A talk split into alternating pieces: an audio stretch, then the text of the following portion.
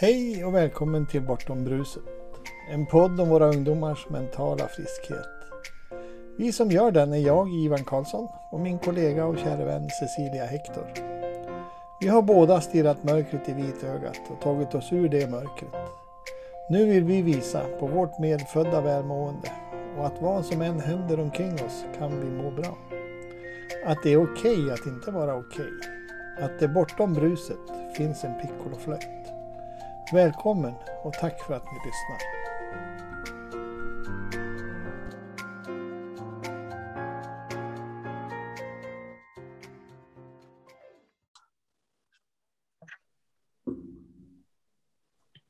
Hej och välkommen till Bortom bruset, en podd som handlar om våra ungdomars eh, mentala friskhet och vårt eh, medfödda välmående.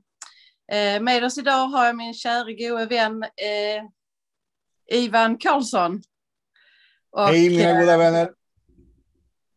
Hej Ivan. Och jag då Cecilia Hector. Eh, idag är det eh, vårt tionde avsnitt och eh, det hade vi tänkt att vi skulle fira med en gäst. Och eh, ehm, jag har äran att eh, få ta med mig eh, Mattias Wahlström till podden idag. Eller vi har äran. Eh, Mattias eh, träffade jag under online under tre månader med en coachning, en guidning i hur man på bästa sätt kunde komma åt sina egna superkrafter. Vilket jag eh, eh, verkligen kände att eh, jag kunde. Och det fick mig att bland annat våga skriva och våga ta steget ut och göra en sån här sak som att starta en podd med Ivan. Så att eh, vi presenterar Mattias Wahlström. Varsågod. Ja, stort tack, vilka fina ord du ger mig.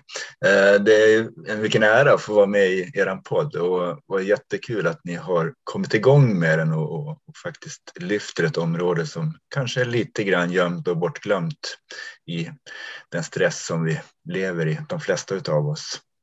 Så att eh, ja, vad kul att ha detta samtalet med er. Det ser jag fram emot. Du är så hjärtligt välkommen. Tack. Ja, Mattias, berätta lite om eh, dig och din bakgrund och hur du hittade till egentligen det vi pratar om här i podden, de tre principerna. Mm. Alltså om vi börjar långt bak i historien så, eh, jag menar jag har passerat 50 så jag har varit med några år. Eh, så att jag började redan i tonåren engagera mig i ungdomsidrott och varit ledare egentligen i, i stor del av mitt vuxna liv i ungdomsidrott. Och därför var det naturligt också att eh, komma in i skolans värld. Så den har jag egentligen också varit närvarande i egentligen hela mitt vuxna liv. Ända från 20 års ålder har jag jobbat i skolan. Jag utbildade mig till fritidspedagog och har eh, precis i, idag avslutat min karriär inom skolan. Eh, 24 år har jag jobbat som fritidspedagog och eh, haft eh, många fina möten och eh, väldigt mycket jobb och slit och engagemang inom den, den världen. Och även inom idrotten har jag engagerat mig väldigt mycket. Jag har varit väldigt nyfiken på du, den mentala delen i idrott och lyssnat på typ alla föreläsare inom personlig utveckling. Hur vi ska tänka bättre, hur vi ska maxa vår eh, allt och så här hur vi ska tänka och tro. Vi ska förvandla, vi ska förminska och vi ska allt med våra tankar. Och jag har letat olika typer av stärkande självkänsla modeller och tekniker. Hur man, jag knöt alltid mina skridskor, vänster skridsko först, vänster skridsko ut på isen först. Det, det var ju då det skulle, matchen skulle funka bättre då jag trodde ju på det där. Men någonstans så förstod jag ändå att det håller ju inte, för jag förlorade i matcher ändå. Jag var kass ändå, jag var bra ibland. Men vi hittade alla de där modellerna att så där ska vi göra. Och så lyssnar man på olika tekniker. Att ja, men går man på glödande kol, alltså då blir man stark och allt sånt där. Det blir wow-känslor och sånt där. Men jag har hela tiden ändå förstått att ja, men det där håller ju inte över tid. Det där är ju, det är klart att man blir, blir, blir, blir plus sådär att man får en, en high five. Det håller ju lätt i tio minuter. Men sen när man är tillbaka där igen. Och, och det är väl den som jag upplevt också att den har varit tuff. Alltså, där man då tror att wow, nu har jag wow-känsla resten av livet och sen så är den borta redan på eftermiddagen. Det är lätt att falla hårt då. Då, är det som att man sparkar på sig själv och tycker att ja, men jag, det är jag som är kass. Jag, jag, har tagit det här, jag har inte gjort det tillräckligt hårt, jag måste kämpa hårdare. Och det är den, där har jag, jag har varit ganska bra på att sparka på mig själv också genom åren. Jag har, jag har varit väldigt duktig på att slita. Jag har absolut inte firat någonting utan jag har hela tiden nästa steg, nästa steg. Och det, det har ju naturligtvis lett till en och annan framgång inom skolan också. Jag har, jag har varit väldigt ambitiös och duktig inom ett område som heter äventyrspedagogik där jag drev både utbildningar och stor framgång bland elever som uppskattade mina lektioner. Det var fantastiskt. Va?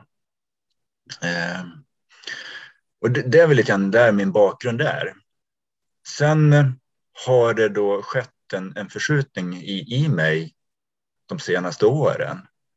Dels har ju jag ju insett då att eh, det, det, jag har gjort med elever har ju ändå kanske inte riktigt varit det som skolan har haft som huvudinriktning. För det finns viktigare saker. Dels är den så svår att dokumentera det jag pysslat med. Man, man kan inte riktigt dokumentera eh, närvarons upplevelse. Den är svår att betygsätta. Alltså hur närvarande är man i, i en, en eh, äventyrslek i skogen? Lärarna kanske inte ens har kläder för att springa med och, och, följa med och de kan ju absolut inte se alla elever samtidigt. Så den är, redan där är ju betygssättningen över. Och betyget är ju inte riktigt den som hittar skatten först. Det handlar inte om det i, i min värld, utan det handlar om att samarbeta. Det handlar om att, att stärka sitt, sitt, sitt, sitt, eh, ska säga, sitt ursprung och, och, även nyfikenhet. Och det är det jag inte riktigt har förstått. Att, äm, egentligen har jag pysslat med, med det jag upptäckte här nu för ett och ett halvt år sedan hela tiden, men jag har själv inte sett det. Eh, jag har varit där i, i skogen men ändå inte sett det. Just det jag upptäckte för ett och ett halvt år sedan. Att eh, den där pusselbiten som, som jag aldrig riktigt haft med mig. Att eh, principerna. För de upptäckte jag förra, förra sommaren, ett och ett halvt år sedan. Före det hade jag inte haft koll på dem, även om jag lyssnat på en och annan föreläsning som har haft lite grann den touchen så, så har de inte riktigt nått mig. Men helt plötsligt så, så stod jag där med, med en podd och, och hörde där. Det, där. det är det där jag har saknat. Där är ju pusselbiten. Det är tankarna som jag absolut inte på något sätt kan styras. Tankarna som bara kommer. Jag har till och med haft föreläsningar och berättat om de där löven i bäcken som bara kommer och går. Och jag kan välja vilka löv jag plockar upp, vilken färg jag kan betrakta dem, jag kan älska dem, jag kan avsky dem, jag kan lukta på dem, jag kan göra vad jag vill med dem eller jag kan bara släppa dem och låta rinna förbi utan att ens upptäcka att de har varit där. Och det är så våra tankar också funkar. Sådana föreläsningar har jag haft, men jag har ändå inte förstått djupet av det jag har sagt. Eh, en nivå till helt enkelt. Och den är ju häftig att man har haft sånt men ändå inte riktigt förstått hela vägen. Men idag kan jag ju se det det som, är, det som ni också pratar om bortom bruset. Alltså, vad är det som finns där bortom, då vi släpper det? Ja, men det är ju inte att det inte är ingenting, utan det är där vi har ett liv. Och den, den har jag nu då försökt att lyfta in i mina samtal med skolelever det här sista året. Och eh, jag märker att den gör skillnad, men svårigheten är ju att skolan är ju inte riktigt där. Eh, de har inte tid med det. Utan vi ska anpassa oss till de som har lite jobbigt med sina känslor. Hur ska vi se till så att de inte ska få sina känslosvängar? Det är det som skolan just nu, där jag har funnits, lagt väldigt mycket tid på. Och visst, det är bra på det kortsiktiga. Vi anpassar bort eh, riktiga så att säga, utfall där man, där man flippar fullständigt. Det har vi anpassat bort nu de, de händer inte. Men vi hjälper inte eleverna att förstå varför känslorna dyker upp och vart de kommer ifrån. Där är ju skolan inte närvarande. Alltså de, har, de har ju inte den förståelsen, även om jag försöker inleda ett samtal om att, eh, nej, att eh, jag har upptäckt vart känslor kommer ifrån. Så, så svarar den, den, den jag pratar med, ja, ja visst, jo, men det här med tankar och känslor, det är viktigt. Och sen är samtalet över. För, för de, de, de, just att våga släppna upp och lyssna. Men vänta, vad sa den där Mattias för någonting? Och det har jag faktiskt upptäckt att, att elever tar till sig. Jag hade en, en, om jag ska ta en liten historia, så hade jag en, en, en kille som jag hade ett samtal med i höstas. Eh, läraren kom och sa, du, han skulle vilja prata med dig lite grann. Ja, ja absolut. Så vi gick in och satte oss och, och tog ett litet samtal. Det visade sig att eh, den här killen, han hade väldigt svårt att sova på natten. Han var rädd att det skulle komma någon in genom dörren. Helt enkelt. Och vi började prata om vad det där innebar för någonting och vad, vad den där rädslan egentligen grundade sig i. Och um, jag drog några varianter där, där vi lekte med lite grann med tanken. Um, vi satt nog i 20 minuter kanske. Och vi avslutade, han var ju skapligt skärrad innan och efteråt så avslutade vi med, med leenden och han gick iväg och vi bestämde att ja, men vi ses om en vecka igen. Då vi ses nästa vecka så inleder han med att hm, det är som borta. Eh, vi behöver inte prata någon mer. Jag, jag, har inga problem att sova längre. Det, det är borta. Jag, jag, jag, är inte, jag är inte rädd längre. Och, men det är bara en historia med, med en elev. Tänk om man skulle få jobba så med, med många. Med hela skolan som system. Vilken, vilken revolution vi ska göra. Men eh, det, det, händer, det gäller ju också att, att ledning, skola, personal med mera är, är öppna och nyfikna för det. För det här, eh, den, den möjligheten har inte jag haft. Och, och jag tänker att på samma sätt som ni, att jag lär hitta andra ingångar till att jobba med det. Och, och då, då är det ju att då kanske jag gör det bättre att inte vara själv närvarande i skolan utan nu kan jag jobba mer fri istället och inte vara en del av systemet. Även om jag kan ha haft fina samtal med enskilda elever så har jag ingen möjlighet att ha uppföljningssamtal med utan det, jag, jag fångar samtal i stunden och det, och, och det uppskattas ju såklart. Men uppföljning och eh, det hållbara i det blir kanske emellanåt bara en parentes i någonting annat. Underbart Mattias. Helt enkelt underbart. Jag kan bara säga det. Ehm, jag har lite grann liknande erfarenhet av samtal i stunden när jag körde taxi. Mm. En taxiresa är ju alltid mellan fem minuter och några timmar. Ehm, men där kom många samtal in på det här med livet. Och jag coachade. Eh, jag har till och med fått ett smeknamn av en av de ursprungliga kan man säga, Jack Pransky. Om du känner till honom. Han har skrivit boken Modello bland annat. Eh, Somebody should have told us. Eh, och jag var på en workshop med honom i Stockholm 2014 eller något sånt där. Där jag berättade om just det här med mina taxiresor. Och hur jag coachade. Och då myntade han begreppet the coach coach. Eh, för coach, det är den här uh, diligensen som tar folk från A till B. Och jag coachade i den coachen. Så att eh, visst, det är de här korta samtalen som kan vara avgörande, men det finns ingen uppföljning. Eh, för det, chansen är väldigt liten att den där passageraren kommer in igen. Eh, men det du har gjort då på de här ett och ett halvt åren eller sista året med ungdomarna, det, det är ju bara guld. Ja, det, det är, och det är de eleverna som man märker nu när man då säger hej då igår, att det är de som är, så att säga, kommer att sakna en. Va? Eh, sen, sen är det en annan elev som har, är längre ifrån att vara tillåtande i att lyssna på den riktningen. Och, och de skulle man ju vilja haft mer tid med, mm. såklart. Eh, men eh, det är som det är. Man kan inte nå alla och den får man leva med också. Mm. Och det är likadant ja, med dina samtal i taxin tänker jag. jag menar, du, du har inte pratat med alla utan du upptäcker att vissa är nyfikna att lyssna på någonting och då kan man fortsätta samtalet. Medan andra så fortsätter man att prata väder och slask eller någonting. Ja, eleven måste vara där för att läraren ska kunna dyka upp. Eh, och det, alltså det, det, det som driver mig. Att komma till skott med det som är viktigast för framtiden, våra ungdomar.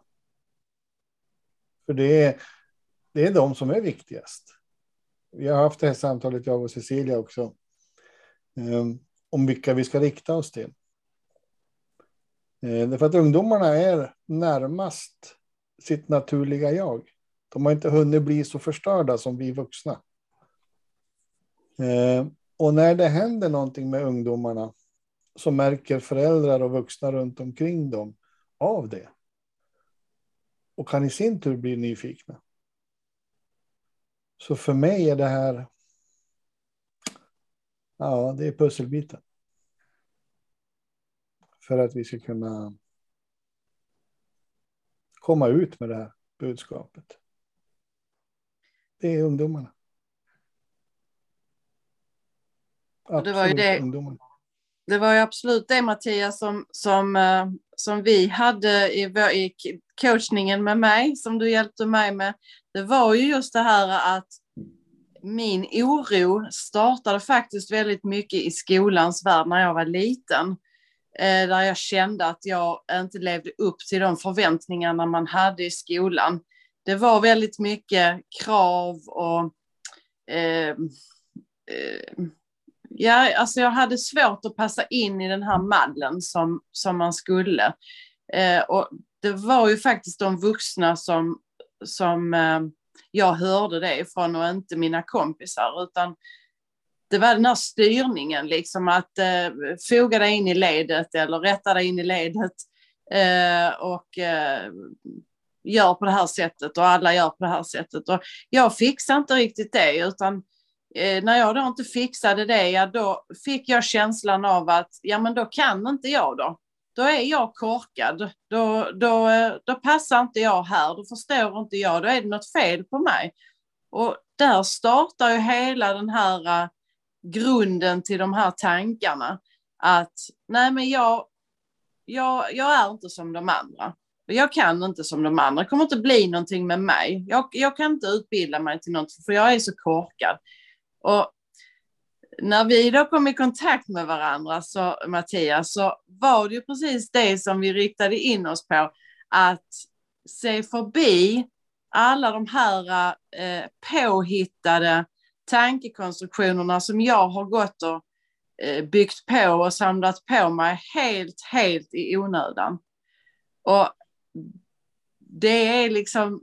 Eh, det är ju helt otroligt att jag helt plötsligt har börjat att eh, kunna skriva en massa. Jag menar, var kommer det ifrån? Eh, massa texter, det bara bubblar ut. Eh, jag har ingen aning om var det kommer ifrån. Jag har aldrig vetat om det, att jag kunde skriva. Och jag, eh, eh jag har inte vågat det heller. Och i början när jag började skriva, när, när vi pratade, så, så var det ju ett par rader. Och sen så eh, skickar skickade jag det till dig och så tittade du på det och sen så, jo men prova och, och, eh, och lägga ut det på, eh, på Facebook eller Instagram och så. Och så började vi ju där. Och sen så la, vågade jag mer och mer och till slut så la jag ut mina texter själv utan att eh, eh, rådfråga eller så. Jag började lita på mina egna eh, superkrafter som du kallar det. Att jag faktiskt eh, bortom alla tankar och tro har den förmågan inom mig och det var inte som jag trodde. Och det är ju väldigt hoppfullt att vi kan eh, väcka det hos både föräldrar och ungdomar att eh, det är inte som ni tror. För det är, vi hittar på så himla mycket och, eh, som begränsar oss. Som inte alls är hjälpsamt, utan vi, kan så mycket mer, vi har så mycket mer än vad vi tror. Och det är det jag har börjat att hitta med den guidningen, mina egna superkrafter. Och det har du dessutom en bok som du har skrivit. Och, eh, och efter det kom en barnbok som jag kan rekommendera. Du får berätta om vad den heter. Ja, men alltså det är ju det är så, det bubblar ju inom oss alla. Eh, de finns ju där. Jag, jag har ju minne från min skoltid när jag fick höra att, att jag var fullständigt kast på att skriva. Jag var fullständigt kast på väldigt många saker och jag gick igenom högstadiet typ utan att säga ett enda ord i, i ett klassrum. Va? Jag valde det, för jag tyckte inte att eh, mitt ord eh, ah, jag var inte tillräckligt trygg i, i den tanke som jag hade runt i att, att säga saker i ett klassrum. Så att, eh, jag tror att de flesta har varit där i, i, olika situationer på olika sätt och vis. Och just den här att eh, helt plötsligt då en sån som jag då, som just kan, kan stava och kan skriva böcker. Ja, det är klart jag kan. Och jag kan ju stava. Så jag skrev ju eh, en bok eh, för, ja, den var klar för typ för ett år sedan, Dina superkrafter som just belyser just det här att, som jag använder gärna ordet, att, att inte överbelasta eller gömma och, och, och, glömma. Utan att om vi står i vår fulla kraft, då är vi helt naturliga. Då har vi alla tillgång till alla superkrafter. Men det är så lätt att vi överbelastar vissa för att gömma andra. Och då, då hamnar vi i, i stress och obalans. Och där fortsatte jag då. Redan när jag började skriva den så dök det upp en dröm om att tänka att skriva en, en barnbok i, i ungefär det här temat också. Och namnet Modig dök upp eh, väldigt snabbt och det stod på min whiteboard här hemma under så att säga, gör inte skriva barnbok. Det, det skulle ta alldeles för mycket tid.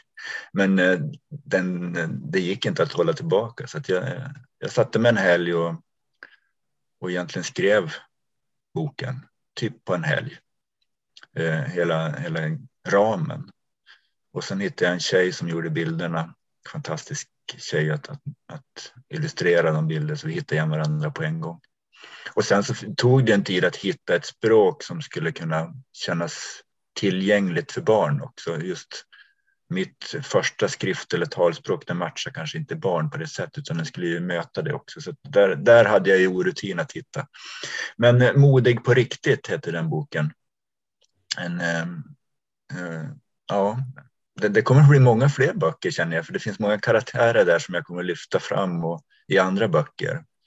Eh, nu har jag lyft just den här tjejen Modig som fick eh, förmånen att, att ha en mamma och en, mor, en morfar som har hjälpt henne i sin guidning, för hon har haft det väldigt tufft. Hon, eh, jag vet faktiskt inte vart hennes pappa finns, men hon, han, han försvann innan hon var född.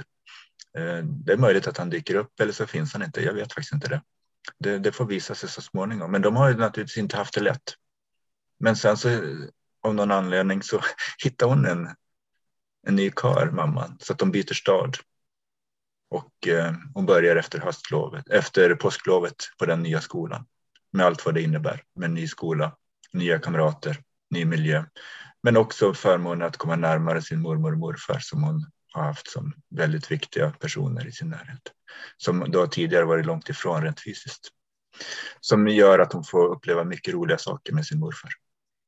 Och det, det, budskapet, riktningen i boken är att hon kommer upptäcka att hon inte behöver vara rädd för sina tankar längre.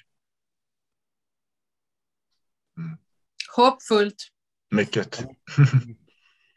och det, det, är just det som, som, jag vill peka på, att det finns ett, faktiskt ett hopp. När vi upptäcker hur det faktiskt går till, att vi skapar våra upplevelser, så kan vi lämna det där hopplösa meningslösa och se att vi har en kapacitet, en kraft, en möjlighet att forma livet precis som vi vill. En superkraft. Och jag är ju faktiskt medförfattare till en bok också som heter Från hopplös till hoppfull.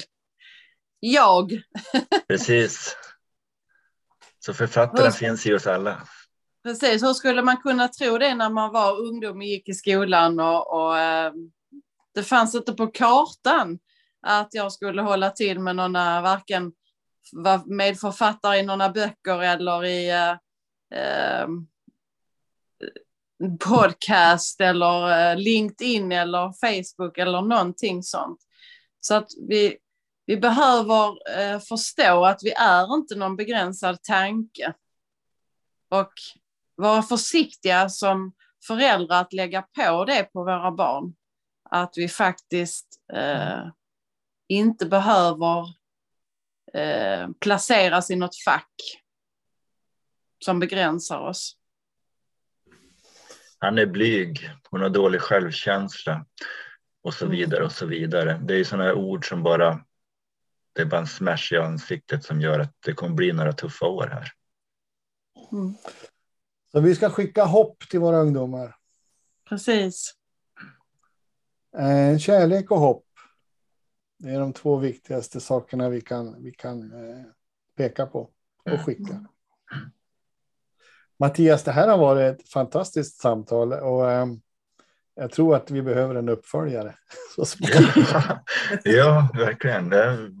Nu ska vi, nu ska vi inte göra om det, det jag gjorde i taxin, inga uppföljningar alls, eller du med dina elever, utan vi ska göra en uppföljare på det här. Eh, mycket roligt, mycket kul att få prata för första gången med dig Mattias. ja, men tack detsamma. Ja, det var en ära.